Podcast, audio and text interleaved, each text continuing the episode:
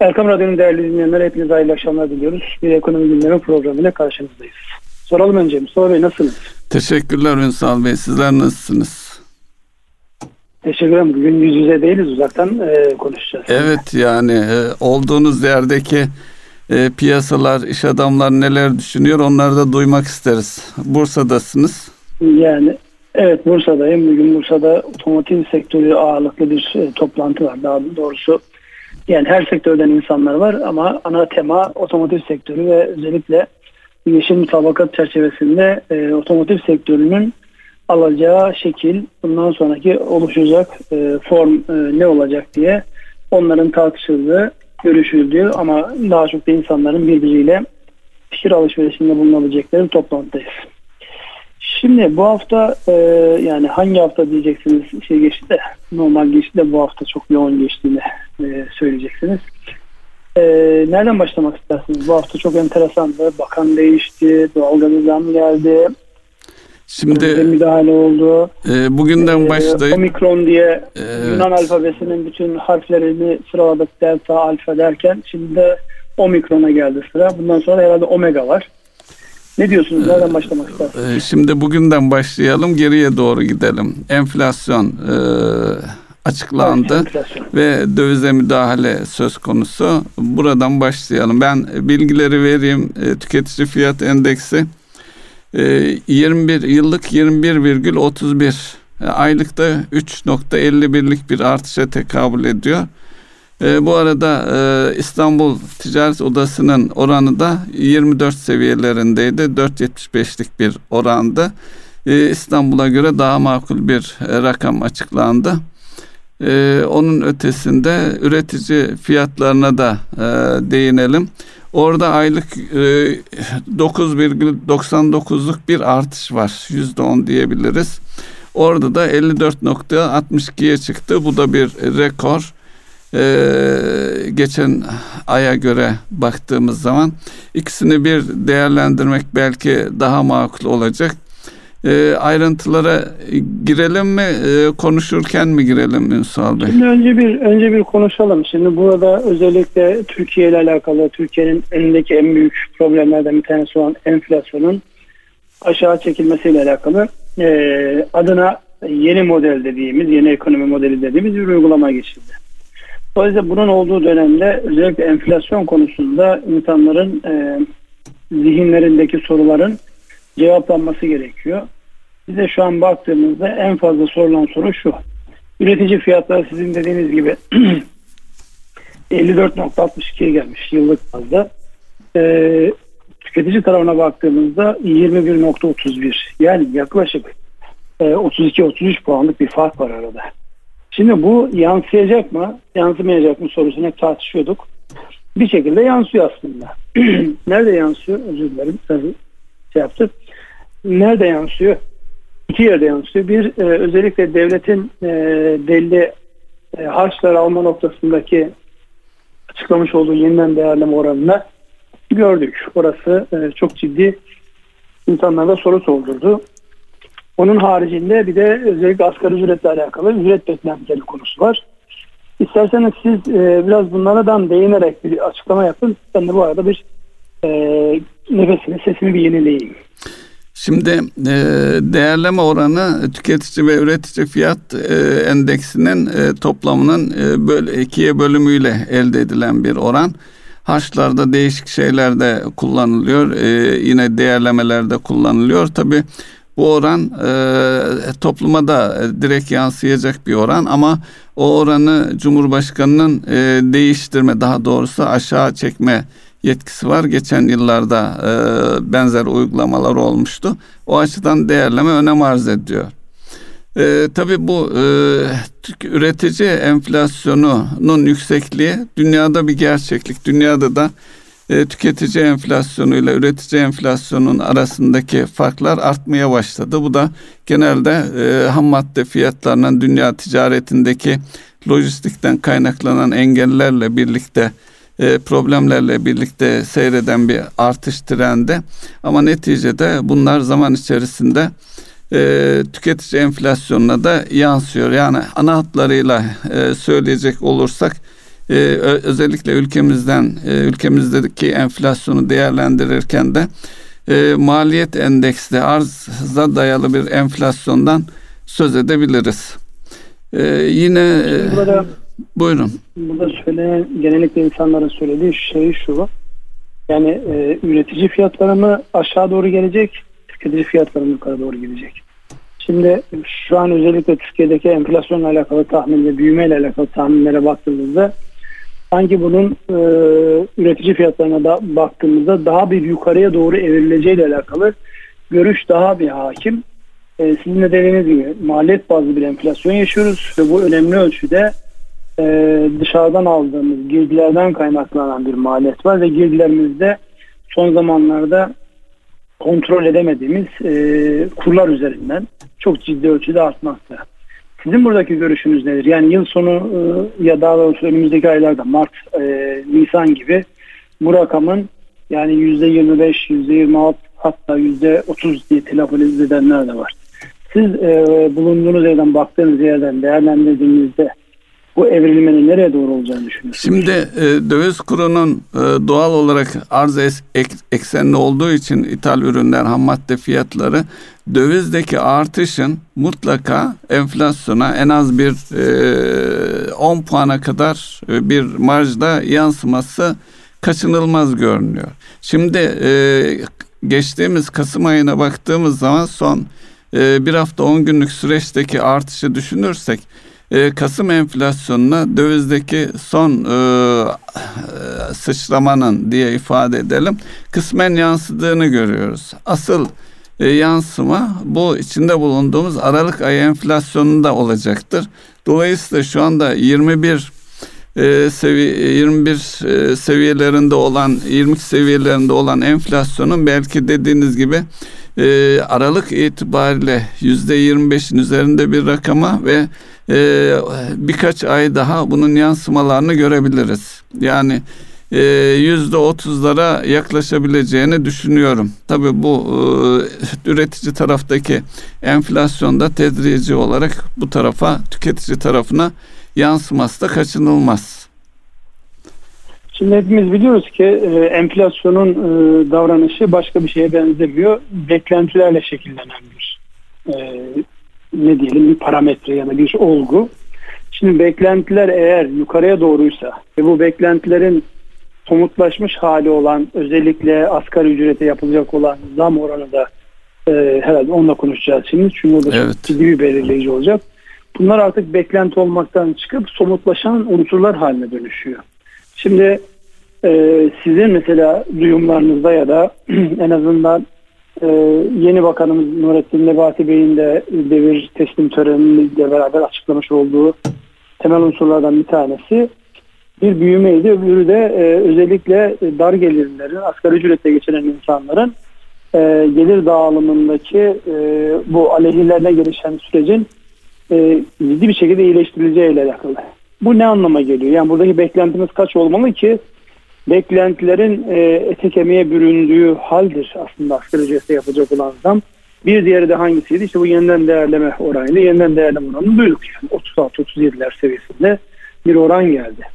Asgari ücretle alakalı sizin makul diyebileceğiniz de toplumun geniş kesimlerinin kabulleneceği bunu ödeyecek olan, maliyete katlanacak olan büyük ölçüdeki iş adamlarının da e, yeni bir e, olumsuzluğu yaşamadan kabulleneceği oran sizce kaç?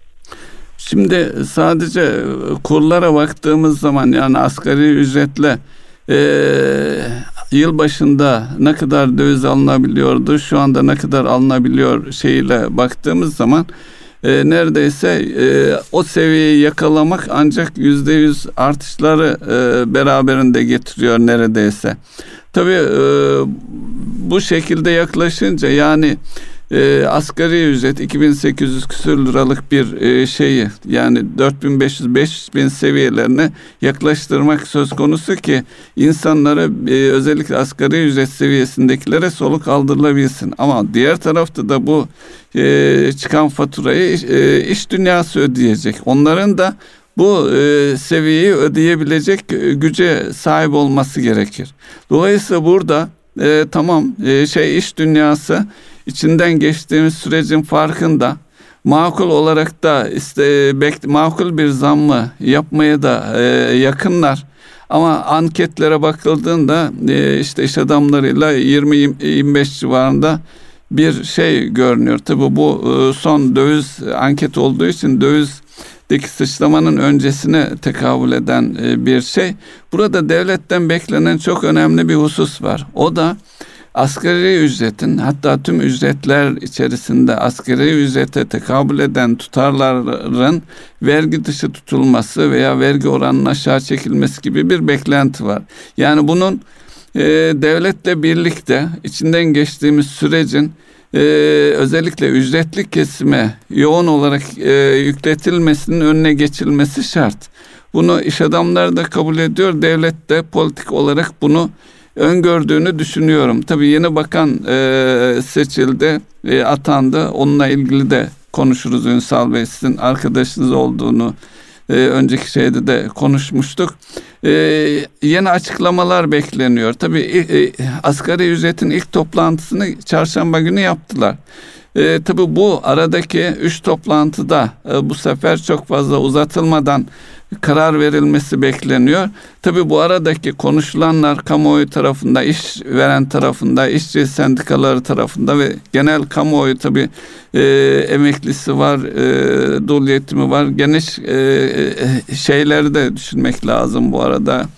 E, tüm e, ücretli kesimi de düşünmek lazım. Dolayısıyla oluşan kamuoyu da belirleyici olacak ama bu arada yine devletin yüklenebileceği miktarın ne olacağını şu anda kestirmek mümkün ama ben şahsen şundan eminim özellikle vergi iyileştirme noktasında bir adım atılacak boyutu ne olur bilemiyorum. Siz ne düşünüyorsunuz? Evet burada e, burada sizin dediğiniz taraf tabii çok çok konuşulan e, kısım özellikle iş adamlarıyla konuştuğumuzda herkes tamam yani e, asgari ücretlinin gelirini yukarıda tutmak lazım. işlerin sürdürülebilirliği ile alakalı e, daha ümit var bakılsın hadiseye. E, dolayısıyla burada sadece yükü biz çekmeyelim. Devletin de bu anlamda bir katkısı olsun şeklinde bir beklenti var. Bunların hepsini birlikte düşündüğümüz az önce sizin o söylemiş olduğunuz %20-25'lik band e, beklentiyle alakalı ve insanların en azından geçen zaman içerisinde e, kaybettikleri harcama gücünü yerine koyması açısından e, sanki biraz düşük kalıyor gibi bir görüntü var. Yeterli e, değil. Benim, e, benim de temas ettiğim insanlarda özellikle bu işi yakından izleyen yani bu gelir dağılımını cini kat, kat sayılarıyla e, ve diğer e, toplumun genelindeki gelir dağılımını inceleyen insanlarla konuştuğumuzda şu anki miktarın yüzde 40-45 bandında bir yerde olması gerektiği ile alakalı bir algı da oluştu. Şimdi bunu söylediğinizde insanlar özellikle iş adamlarına tamam 45 tamam fakat tamamını biz üstleneceğiz bunu. Bunu üstlendiğimizde yani e, katlanacağımız maliyetleri çıkaracak iş. Bu bir taraftan da işletme sermaye satışı demek. Evet. Zaten e, dövizin yukarı gitmesinden dolayı girdiden kaynaklanan ciddi bir işletme sermaye satışı var. Oluşan bu işletme sermaye satışını nasıl telafi, telafi ederiz ya da nereden telafi ederiz şeklinde insanlarda e, haklı olarak bir e, soruyu görüyorum. Dolayısıyla e, 40 olsun tamam hiç problem yok. Fakat bunun getireceği diğer maliyetleri telafi etmek için biz ne yapacağız sorusunu bu sefer kendilerine soruyorlar. Yani e, denklem içerisinde denklem çıkıyor burada. Evet. Dolayısıyla e, 40 tamam. Yani zaten daha önceden hatırlarsanız e, iş adamları derneklerinin başkanlarının yapmış olduğu açıklamalarda enflasyon artı %10 denmişti. Şimdi e, şu anki rakamlarla tüketici fiyatlarına baktığımızda %21-22 seviyesinde muhtemelen e, kurlara dikkate aldığımızda Aralık ayında da en az bu ayki kadar bir ilave gelir. Baz etkisini dikkate aldığımızda 23-24 oraları görebiliriz belki. Yani tam emin olmamakla beraber. Bunun üzerine 10 puan dediğimizde zaten 34-35'i buluyor. Yani e, zihinler hazır fakat oluşacak olan yeni tabloyu nasıl karşılayacakları noktasında insanlar e, bilinmezlerle karşı karşıya. O bilinmezler nasıl çözülür sorusunda ben size sorayım. E, bilinmezler işte buradaki açıklamalar yani e, asgari ücretin vergisi yüzde on yedi e, yani e, oradaki e, vergi eşikleri de önemli yüzde on beşte desek e, yani yüzde ellinin üzerinde belki yüzde altmışa yakın bir artış olursa insanların biraz e, soluk aldırabileceğini düşünüyorum. Onun altındaki Burada orada evet. yani devletin peki başka bir geliri var mı? Ee, baktığımızda devletin yani baktığımızda işte, zaten bütçe tahsil edebildiği gelir e, ücretlilerden aldı. Bütçe e, şeylerine bakmak lazım. Yani orada bir handikap var. Şöyle ki e, dolaylı e, vergilerle bütçenin ağırlık kazandığı bir yapıdayız. Dolayısıyla mesela özellikle ithal ürünlerinden ürünlere uygulanan şeyler e, özel e, tüketim vergileri ciddi bir gelir kalemi oluşturuyor KDV'ler. Eğer ithalattaki kısılmalar doğal olarak doğrudan e, şeyi etkileyecektir. Bütçe gelirlerini. Onların nasıl telafi edileceği de netleşmesi lazım. Yani yeni ekonomi politika tüketime e, tüketimin kısılmasını da hedefliyor. E, neticede e, kurgu cari açığın cari fazlaya döndürülmesi yönüyle Dolayısıyla o da özellikle tüketime yönelik harcamalar yerine üretime dönük e, ithalatın ön, e, teşvik edilmesi bekleniyor. Tabi bu bir çelişki oluşturuyor. Bunun hesabını e, sanıyorum asgari ücret diğer konularda da e, devlet detaylı olarak yaptığını düşünüyorum. Ama onun ipuçları şu anda elimizde yok. Evet. Şimdi buradan isterseniz e, bu hafta içerisinde yaşadığımız özellikle e, bakan değişikliği e, Cumhurbaşkanlığının özellikle bu yeni modelle alakalı açıklamaları çok net yaptığı saatlere denk gelen bir dövize müdahale. Gerçi bugün de dövize müdahale oldu. Evet. Bunların etkileri ve e, yani bunların yapılmasının e, nasıl yansıması oldu? E, burada ne gördük biz? Ne öğrendik biz? Sorularının cevabı bu. E, tahmini tahmin değil burada Merkez Bankası e, rakamlar açıkladı. Şimdi 980 milyon e, dolarlık bir müdahale oldu çarşamba günü. E, ve müdahalenin olduğu saatlerde e, 13.45-13.46'lar serisindeydi. O sırada ben ekranın karşısındaydım. Sonra e, çok hızlı bir şekilde 12 50'leri gördüm ama yani piyasa verilerine daha sonra baktıktan sonra 12.40'ları da görmüş, 42'leri de görmüş. Fakat sonra tekrar 13'ün üzerine çıktı. Günün sonunda 13-15-13-20 bandında kapattı ve şu anda baktığımızda 13.70'lerin üzerinde ki bugün de e, henüz daha miktarını bilmemekle beraber bir müdahalenin olduğu ile alakalı e, haberler düştü. Şimdi bu müdahalelerle Merkez Bankası'nın yapmış olduğu döviz kurundaki e, dengeli olmayan e, stabil olmayan fiyatları dengeye getirmekle alakalı bir açıklama yaptı. Sonuca baktığımızda müdahalenin daha üstünde bir yerdeyiz. Nasıl yorumlamak icap eder bunu? Piyasa bunu nasıl yorumlar? Siz bunu nasıl yorumlarsınız? Şimdi e, müdahale doğrudan müdahale olarak bakıldığında en son 2014'te yap, yapılmış 3 milyarın e, biraz üzerinde bir müdahale. E, geçen e, yılda da e, örtülü müdahale e, tabi sonradan ortaya çıkan kamu bankalarıyla Merkez Bankası'nın e, protokollerine dayanan bir müdahale e, olduğu öğrenildi. O tabi boyutu çok net olarak ortaya konulmadı. Şimdi dövizin e, faizin aşağıya indirildiği, dövizin e, hareket faiz indirimiyle birlikte dövizdeki e, dalgalanmanın kontrol edilmesi için e, dövize müdahale yani döviz satışı bir gereklilik olarak ortada zaten.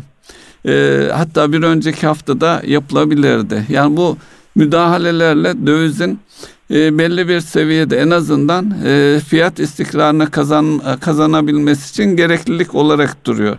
Tabii e, miktarın ee, eğer öyle bir değerlendirme yaptığımız zaman e, tabii bir müdahale yapıyorsunuz, bir seviyede tutuyorsunuz.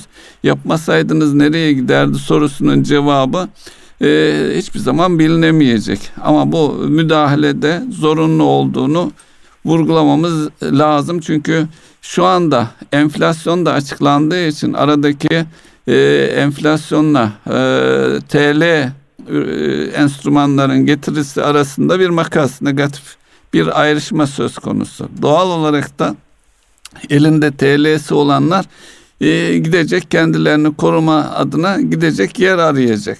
Dolayısıyla orada bir müdahale e, gerekli. Belki buradan hareketle Merkez Bankası Başkanı'nın açıklamaları da vardı. E, orada diyordu ki bir tanesinde de Türk liraların e, Türk lira enstrümanları teşvik etmek için çalışıyoruz diyor. Oradan ne getirebilir bilmiyoruz. Yani bu e, zaten e, döviz endeksli bir e, yüzde 55-54 seviyesinde döviz mevduatı vardı.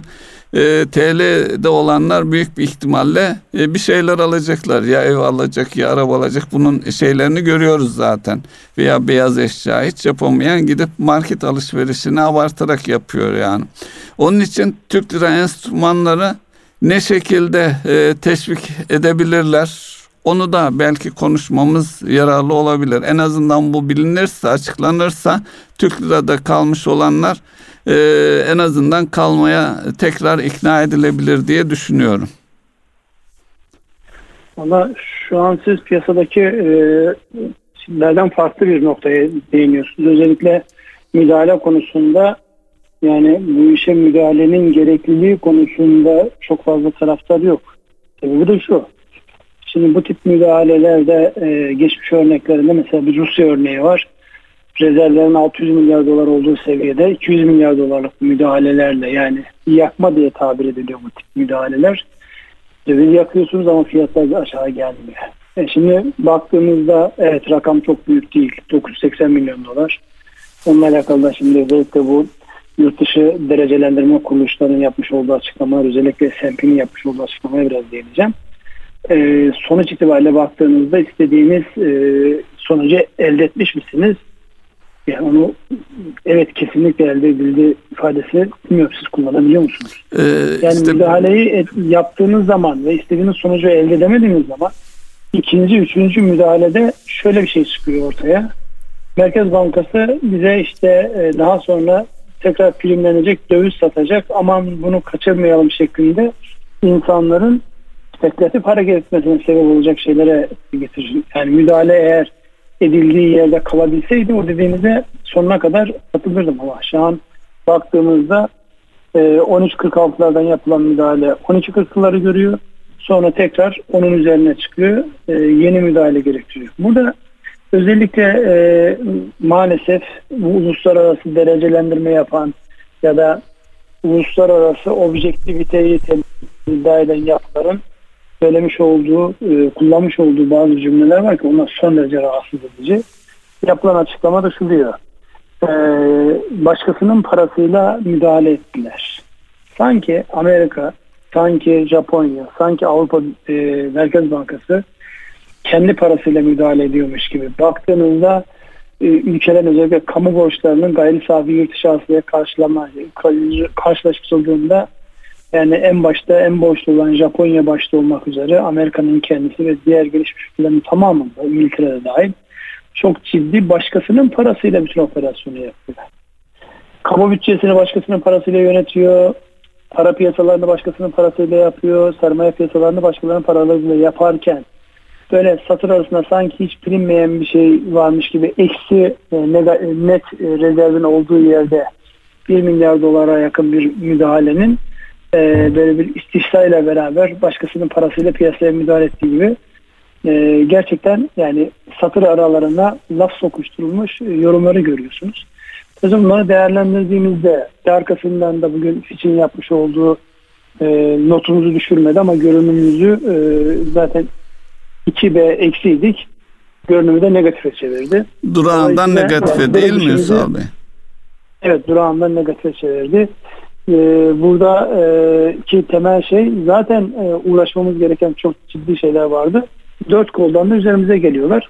Ama aynı fikir Türkiye'nin e, büyümesiyle alakalı 9.3-9.4 seviyelerindeki bir önceki beklentisini 10.5'e çektiğini görüyorsun. Yani şimdi burada nasıl bir bakış açısı? Yani ekonomideki büyümeyi tahmininizi büyütüyorsunuz, genişletiyorsunuz ama öbür tarafta özellikle uygulanan e, para politikasının e, ortodoks iktisat dediğimiz yani geleneksel iktisadın dışında olması sebebiyle bir de böyle dilimize dolayarak e, istihsayla beraber değerlendirmiş. Bu aslında ülkenin algı e, açısından özellikle ekonomi yönetiminde algı açısından nelerin ön plana çıktığını göstermesi hususunda çok önemli bir başlık. Bilmiyorum siz ne demek istersiniz? E, evet haklısınız. E, değerleme kuruluşlarının öteden beri Türkiye'ye yönelik bir olumsuz algısı var. Bunun da değişmesini e, beklemek mümkün değil. Zaten ona yönelik kendi bizin de e, seviyede bir değerlendirme kuruluşunu ortaya çıkarmak üzere yapılan atılan adımlar vardı biliyorsunuz. Şimdi burada döviz ve enflasyon ilişkisinde acaba hükümet e, dövizi çünkü e, dövizdeki her artış mutlaka enflasyona negatif olarak yansıyor. 13-14 aralığındaki bir döviz seviyesinin üzerini rahatsız edici buluyor olabilir mi? Çünkü artık şunu net olarak açıkladı. E, faizin artırılması söz konusu değil. O orada net olarak bir duruş var. Onun e, o olmadığına göre eldeki e, eğer bu seviyeleri muhafaza etmek isteniyorsa elde yapılacak şeylerden bir tanesi e, dövize müdahale. Onun dışında da e, acaba e, faiz e, silahı dışında Merkez Bankası'nın çeşitli e, araçları var mı? E, bir taraftan da e, sıkılaşmayı muhafaza etme, enflasyona yönelik, dövize yönelik olarak sıkılaşmayı muhafaza etme adına. Bu konuda ne dersiniz Ünsal Bey? Çünkü buna yönelik yorum yapanlar da var yani ekonomistler içerisinde. Şimdi bu yorum konusunda e, o kadar çok kafa karışıklığı var ki bir kere e, temel olarak ben şunu söyleyebilirim. Özellikle hükümetin e, yapmak istediği ya da yaptığı çalışmaların anlatımıyla alakalı daha önceden de e, hep söylüyorduk. Yani bir şeyi yapmak ayrı, onu anlatmak bambaşka. Burada anlatımla alakalı e, ciddi bir e, problem yaşandı. Gün gibi ortada. Yani ee, özellikle bu cari fazla vererek e, ekonomideki bundan sonraki sürecin nasıl şekillendirileceğiyle alakalı konu sadece böyle e, genel beyanların arasında değerlendirip geçiyor. Halbuki arka tarafta e, yani herhalde öyledir diye düşünüyorum. Bu işlerin olması için çalışan e, bir beyin takımı vardır. Bu beyin takımının günlük ekonomi yorumları içerisinde yapılanların e, kaynak gitmesini engelleyecek açıklamalar, oturumlar ya da izahlarda bulunması e, gerekmez mi diye ben kendi kendime soruyorum.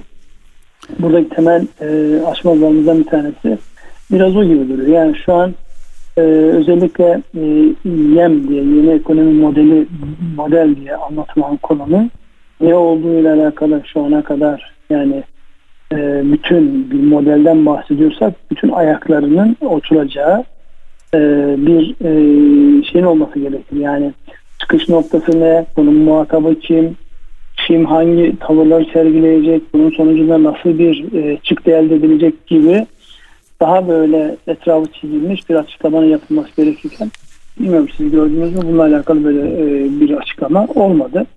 Önceki ekonomi programı daha önceden e, e, iki önceki bakanın döneminde biliyorsunuz e, yeni ekonomi programlar oldukça geniş katılımlı basın toplantılarıyla duyurulurdu. Son iki dönemde yani hem giden bakanın hem de bu yeni ekonomik model denen konuyla alakalı böyle yapılan bir basın toplantısı olmadı, bir değerlendirme olmadı. Hatta hatırlarsanız bir önceki ekonomik program resmi gazeteler tarafından yayınlandığında hepimiz evet, evet. ne olmuş teker teker oradan bakmıştık. Şimdi bunlar bu algının yönetiminde çok önemli e, adımlar oluyor. Yani zaten piyasada e, ne yaparsanız yapın e, muhalif yorumlayan bir sürü insan var. Yani buradan acaba bir fayda çıkar mı? Bir e, farklı bir bakış açısı elde mi? Deneme ifadesini kullanmak istemiyorum. Çünkü yani e, deneme yapabileceğiniz bir alan değil. E, özellikle piyasalarla alakalı hususlar. E, muhakkak düşünülen şeyler var ama bu niye anlatılmaz sorusunun cevabı bende oluşuyor. E, dolayısıyla yani daha dövizi muhafazakar yaklaşacak bir tavırdan ziyade önce şu yapılanların gerçekten ne maksat elde ediliyor, işte hedefleniyor. İşte herkesin söylemiş olduğu temel ifade şu. Önümüzdeki yılın ilk aylarından itibaren sonuçları görülecek. Hangi sonuçlar? Nereler hedefleniyor? Neyi gördüğümüzde evet bu sonuçların istenen sonuçlar olduğunu anlayacağız gibi klasik o stratejideki neredeyim, nerede olmak istiyorum sorusunun cevabına ben kendi açımdan çok net karşılık bulabilmiş değilim. Belki siz bulmuşsunuzdur. Onu rica etsem. Ee, şimdi e, bu alt e, dediklerinizin altını çizme ihtiyacı e, var. Gerçekten de e, sunum çok e, an, ik, sunum ve ona daya zaten ikna etmek için bir sunum yapıyorsunuz. O çok önemli. E, profesyonellikte bu e, büyük danışmanlık şirketlerinin çalışmalarında şunu görmüşümdür zamanın yarı, yarısını en azından sunuma, yarısı projeyi e, ortaya koymak, yarısını da o sunumu insanları ikna edecek hale getirmeye e, ayırıyorlardı.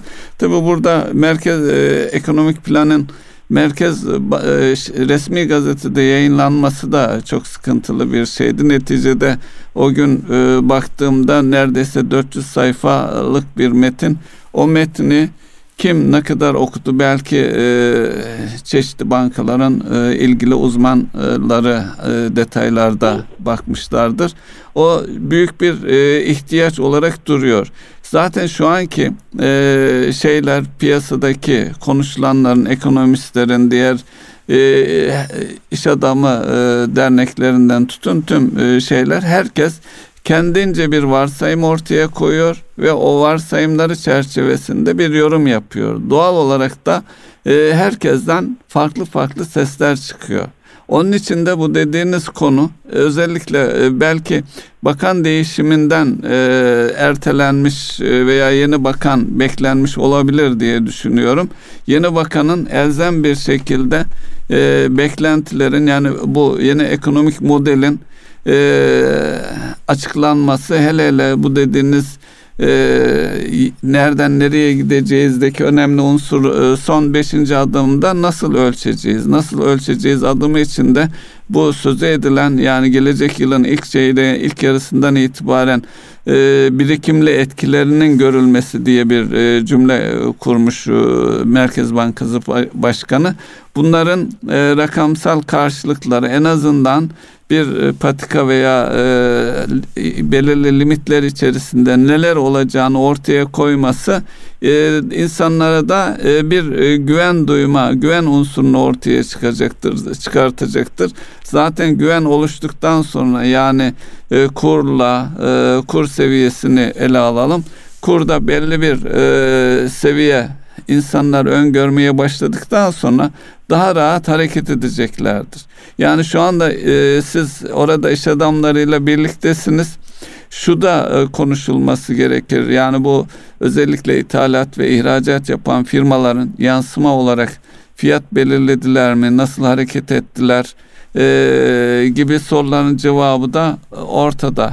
Hele hele e, bilmiyorum siz de duydunuz mu e, Türk lira ödemelerinde aksamalar oldu. Yani insanlar bu döviz kuru seviyesinde Türk lirasını ne kadar geç öderse doğal olarak tabiatıyla bir e, orada bir gelir söz konusu. E, bu tür piyasaya yansıyan olumsuzluklardan söz ediliyor. Bunlar ne kadar gerçeklik şu anda biraz da e, insanlar bunu dedikodu şeyiyle sürdürüyor ama neticede e, herkesin etkilendiği bir süreçten geçiyoruz. Buyurun. Şimdi dedikodu boyutundan ötede yani yıllarca bankacılık yaptık. Hatırlarsanız piyasalarda bir olumsuzluk e, oluştuğu zaman insanların ilk yaptığı şey çeklerini ödememek. Yani ödeme gücü olan insanlar bile e, çek ya da benzeri taahhütlerini yerine getirmeyerek Çek Şimdi biraz zorunluluk da açık hesabı hiç ödemiyorlardı Ünsal Bey. Açık hesaplar. Yani özellikle. evet bunlar yok, çeklerini değişiyorlardı. İnsanlar değişmeye zorluyorlardı. Yani şu an imkanım yok.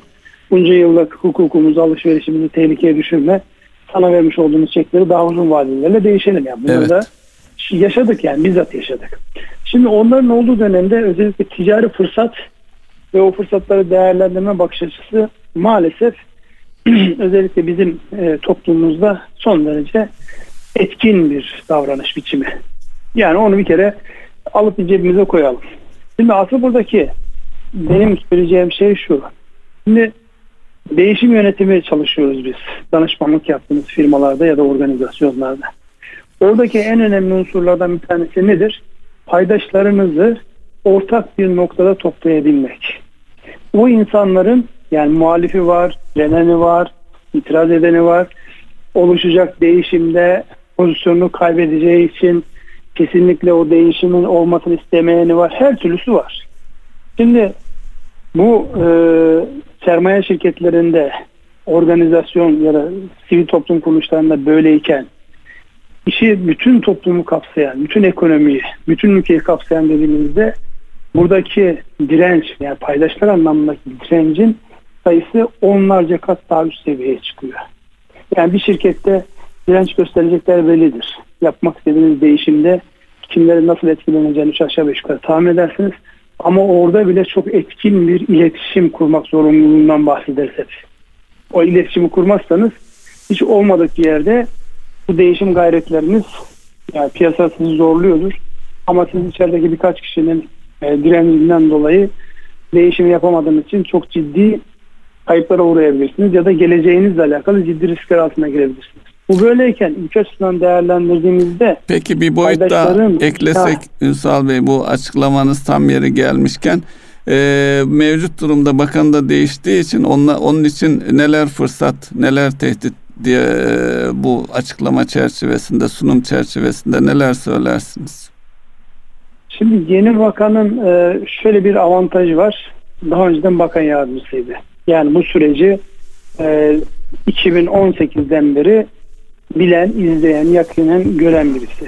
Bu bir avantaj. Dezavantaj şu yani e, açıklamaya fırsat olmadan günlük gelişmeler o kadar hızlı dönüyor ki sizin ne açıklama yapacağınızdan ziyade ne yaptığınıza insanlar bakıyorlar. Dolayısıyla siz daha oturup yani fotoğrafın bundan sonra alacağı şekil ne olmalı, nasıl olmalı şeklinde e, düşünmeden günlük olayların içerisinde buluyorsunuz kendinizi. Alın işte günlük yüzde iki, yüzde üç, bazen yüzde bir oynayan döviz piyasasında e, pozisyon alacaksınız. Ettiğiniz her laf lehe yorumlanmıyor. Daha doğrusu şöyle, lehe yorumlanacak olanları kimse satın almak istemiyor. Daha piyasaları olumsuz etkileyecek olanları hemen insanlar üzerine atlıyor. Cımbızda çekiyor oradan sözü ve bunun üzerinden dalıyor. Dolayısıyla burada az önce söylemiş olduğumuz değişim yönetimindeki iletişim e, gereği maalesef bu dönemde çok daha fazla kendini gösteriyor. Ama işlerin bu şekilde üst üste gelmesinden dolayı da çok fazla vakit ayırmadan olay doğrudan işin içerisine girildiği için de e, çok fazla mesafe kat edilemiyor. Yani değişim tarafındaki o zorluğu ve bunun anlatmanın gereğini de dikkat çekmek için ben bu kadar sözü söyledim. Onun için yani yeni gelen ekibin ne zaman bunu değerlendirip insanlara ne zaman nasıl anlatacaklarıyla alakalı şey bilemiyorum. Ama bu bir zorunluluk olduğu gibi gibi ortada. Yani insanlara ne yapmak istediğinizi daha net herkesin anlayabileceği cümlelerle yapmanız lazım. Aksi takdirde bir önceki yani yeni ekonomik program dediğimiz o şey açıklandığında e, Hazine Maliye Bakanlığı'nın enflasyonla alakalı yıl sonu hedefiyle Merkez Bankası'nın arasındaki farkı görüp insanlar yani cımbızla çekip onu ön plana sokuyorlar. Yani bunlar birbirleriyle koordineli değil şeklinde bir e, görüş ortaya koyabiliyor. Onun için yani e, yeni bakanın önümüzdeki günlerde e, duyurucu takımıyla beraber yani tek başına değil takımıyla beraber çıkıp şu an piyasada konuşulan bütün soruları cevaplayacağı sizin geçen hafta e, okuyarak yapmış olduğunuz şey gibi daha teknik ve her seviyeden insanın sonucunu cevaplayacağı bir çalışmaya ihtiyaç var. Allah yardımcısı olsun. Kolay evet, süreç değil. E, bir de öyle bir şeyde özellikle insanların soru sorabildiği ve cevabını da alabildiği bir toplantı da çok önemli. Sadece tek taraflı bilgi vermek gibi. Yani bir metafor kullanacak olursak işte hava şartlarının kötü olduğu bir ortamda uçaktasınız. Endişe içerisindesiniz. Halbuki kokpitte olanları görseniz bilseniz belki çok rahatlayacaksınız. İhtiyaç olan o gibi geliyor.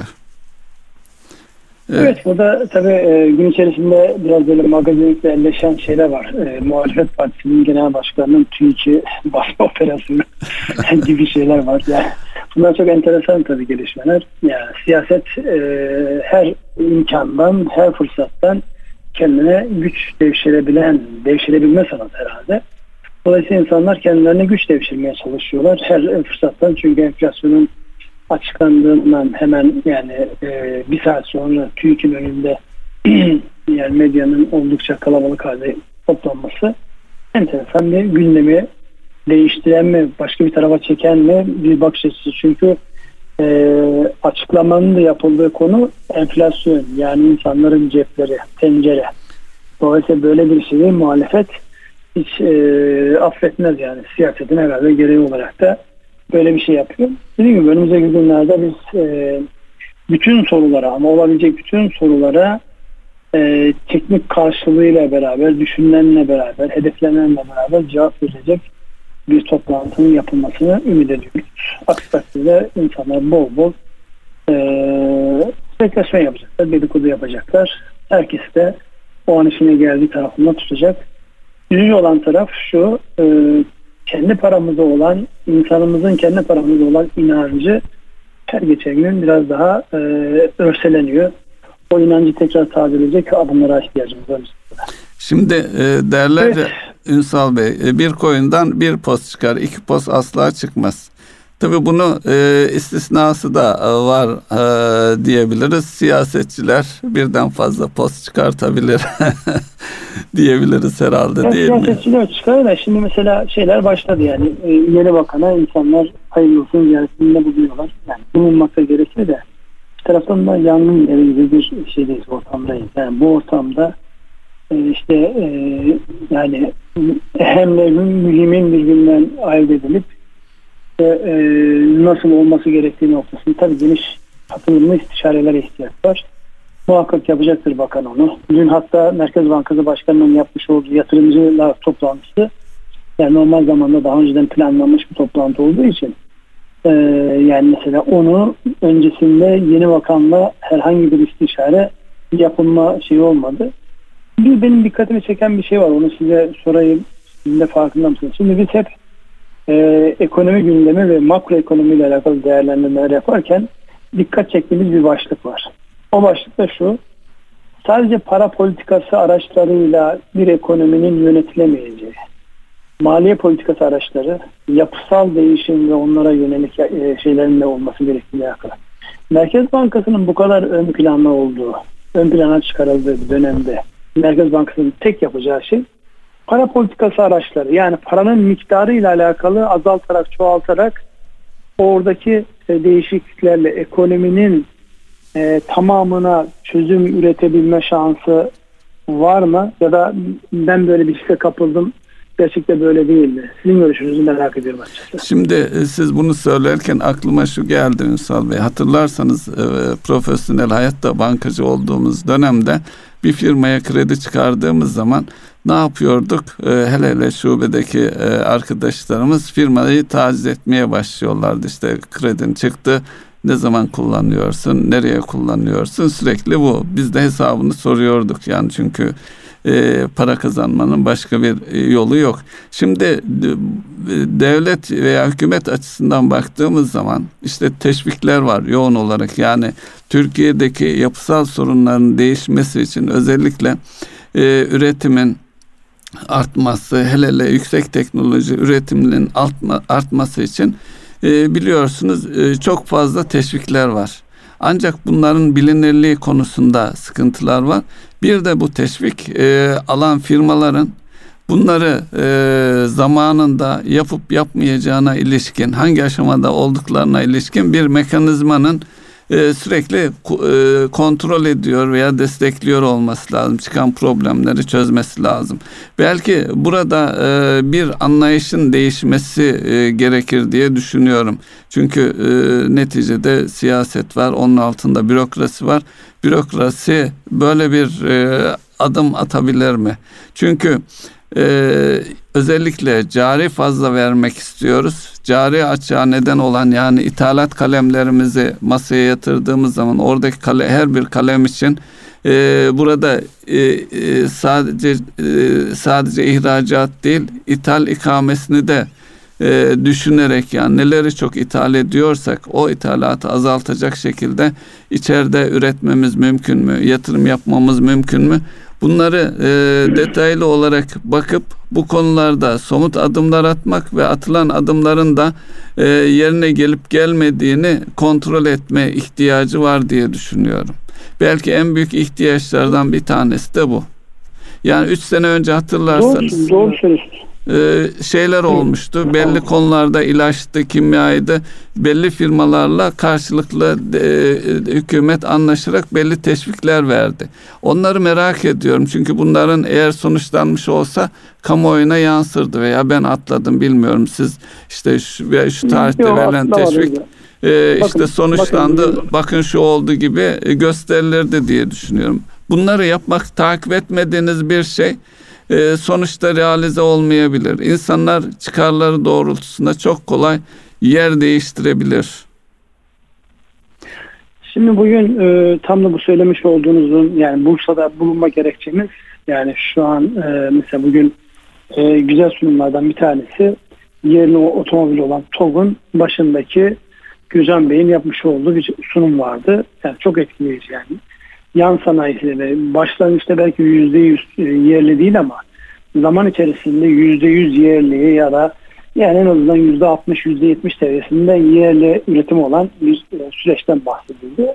Tam da bugün e, yine Dünya Gazetesi'nde Vahap Munyar'ın köşesinde Aselsan'da özellikle bu çip üretiminin dünyada krize girdiği bir dönemde Aselsan'ın üretmekte olduğu çipten ve o çipin yani çalışır olduğunu adı da Çakıl Çakıl'ın çalıştığı ile alakalı bir yazı okumuştum.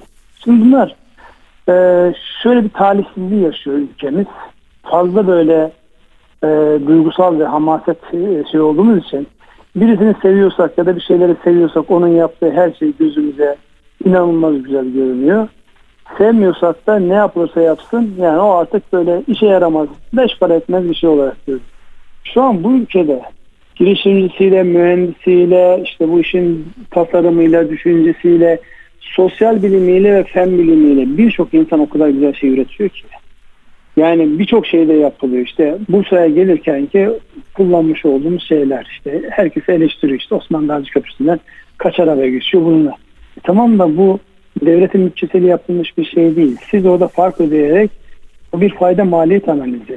Yani Bursa İstanbul'un hemen dibinde İstanbul kadar iddialı bir şehire dönüşmüş.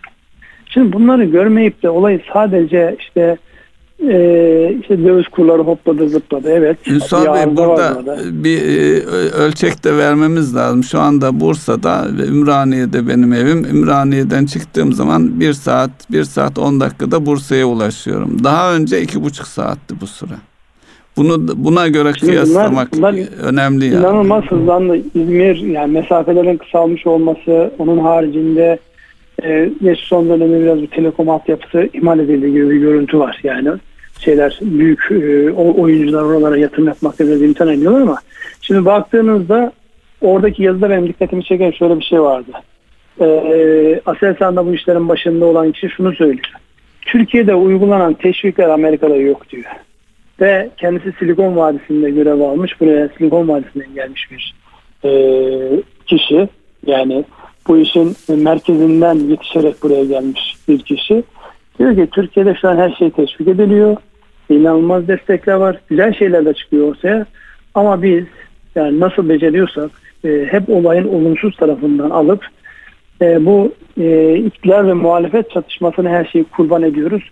Ona insan üzülüyor bu tip güzelliklerin görülmesi lazım. Burada ben bir şeye dikkat çekeyim. Süremiz de daralıyor.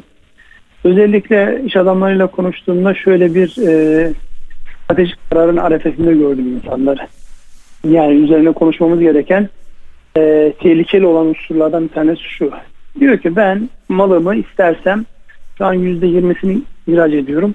İstersem %60'ına kadar ihraç edebilirim.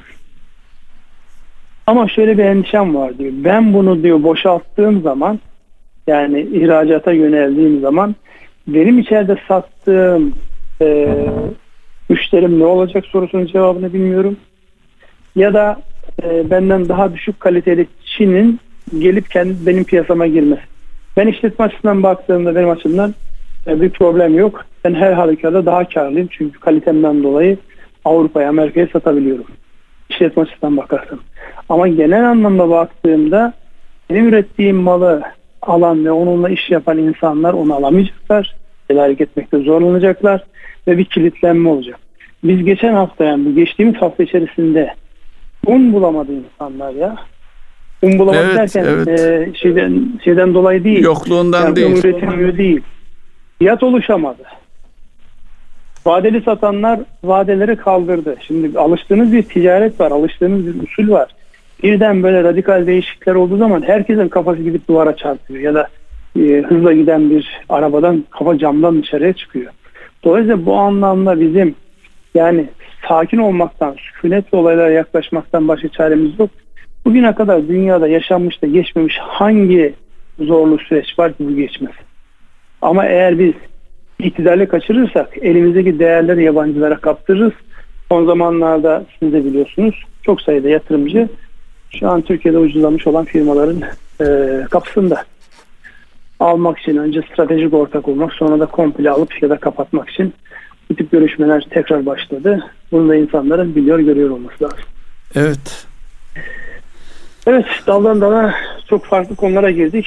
Dolayısıyla yani bu hafta çok hareketliydi. Yeni bakan, dövize müdahale, yeni açıklamalar, doğalgaz zamları, bu dün gece yapılan doğalgaz zamını nasıl yorumluyorsunuz? Onu da Şimdi söyleyin. hanelere yap, yapılmadı. O iyi bir şey. Çünkü şu anda zaten e, satın alma gücünün ciddi erozyona uğradığı bir süreçten geçiyoruz e, sanayi ve e, elektrik üretim tarafına yapıldı. Onlardan neticede e, şey tarafına üretici fiyatlarına yansıyacak bir husus. Ama yine bu devletin sübvanse ettiği kalemlerden bir tanesi doğal gaz. E, dolayısıyla e, yeni dengelere doğru gidiyoruz. Burada e, ben size sordum bakanın fırsatı nedir diye. Şöyle bir şey e, ifade etsek. E, iş dünyasıyla e, hükümetin çok daha e, sıkı bir işbirliğine e, girmesi ve yakalaması birçok şeyi kolaylaştırır diye düşünüyorum. Bunu e, siyaseten de e, yeni bakanın e, yönetmesi açısından ne dersiniz Ünsal Bey? E, daha sempatik, Şimdi, daha... Yani yeni bakanın bir kere bir iş adamı olduğunu zaten siz de biliyorsunuz. Daha evet, evet. Yani yeni bakan bir iş adamı. Dolayısıyla iş dünyasıyla e, son derece yakın ilişkiler olan bir insan. Yani zaten e, şu an bildiğim kadarıyla e, nelerin yapılması gerektiği konusunda e, yani herkesinden burada yani e, şey ayrımı yapmaksızın herkesinden e, görüş aldı, görüş almaya çalıştı. Dolayısıyla ortak aklı oluşturma noktasında bir gayret içerisinde olduğunu ben kendi halimden biliyorum. Fakat öbür taraftan baktığımızda şimdi insanların burada e, iyi bir şeyler olacağına olan inancını bir tazeleme ihtiyacı var. Yani biz eğer e, el birliğiyle ortaya çıkacak olan olumlu ve olumsuz şeyin hepsinin e, cümle cemaat hepimizi ilgilendireceğini e, kabullenirsek farklı bir yaklaşıma gireriz. Ya da oluşacak olan şeyden bireysel anlamda ya da işletme anlamda kendi pozisyonumuzu değerlendirsek farklı şey çıkar. Ben bakanın bu anlamda iletişimin en rahat kurulabilecek kişi olma sebebiyle son derece ümit varım.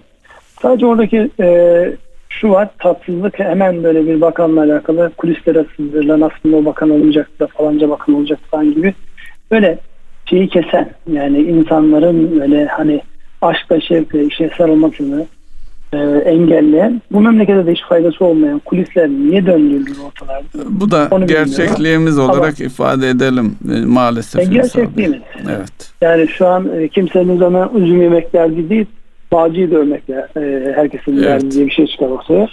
Dolayısıyla bizim ortak üzüm yememiz gerekir. Bu evet. bağcı dövme alışkanlığımızdan bir şekilde vazgeçmemiz gerekir. Bakan siyaseti ve ekonomiyi, iş dünyasını bilen bir kişi olarak geliyor. Tek dezavantaj şu söylenebilir belki. Yani özellikle e, bizim daha önce içinde bulunduğumuz para piyasaları, finans sektörüyle alakalı çok tanınan bir e, yüz değil. Yani bu anlamda e, ne karşılığa denk düşüyor sorusunun cevabı belki sorulabilir. Ama bunu da kısa sürede o e, iletişim kurumundaki becerisiyle telafi eder diye ben e, eskiden beri tanıyor olmaktan dolayı bunu rahatlıkla söyleyebilirim. Evet, başarılar dileyelim Ünsal Bey. Vaktimizi Evet, açtık başarılar galiba. dilerim. Onun başarısı çünkü memleketin Evet. başarısı olacaktır. Allah yardımcısı olsun. Amin. Evet, e, şimdi zamana bakıyorum. E, epey bir ilerletmişiz. Bayağı bir heyecanlı heyecanlı. Yüz, yüzle görüşmeyince daha mı çok konuşuyoruz acaba? Ee, bil- bilmiyorum. Evet, e, isterseniz bitirelim. Sizin söyleyeceğiniz ya da şunu... Buyurun Ünsal Bey. şey varsa. Kapanış cümlesini Bursa'dan alalım. Tamam. Ee, Erkam Radyo'nun değerli dinleyenleri bir ekonomi gündem programının daha sonuna geldik. Ee, dilimizin döndüğünce bu e, heyecanlı geçen e, enteresan bir haftanın e, yorumunu yapmaya çalıştık. E, hepinize hayırlı akşamlar diliyoruz. Hayırlı akşamlar.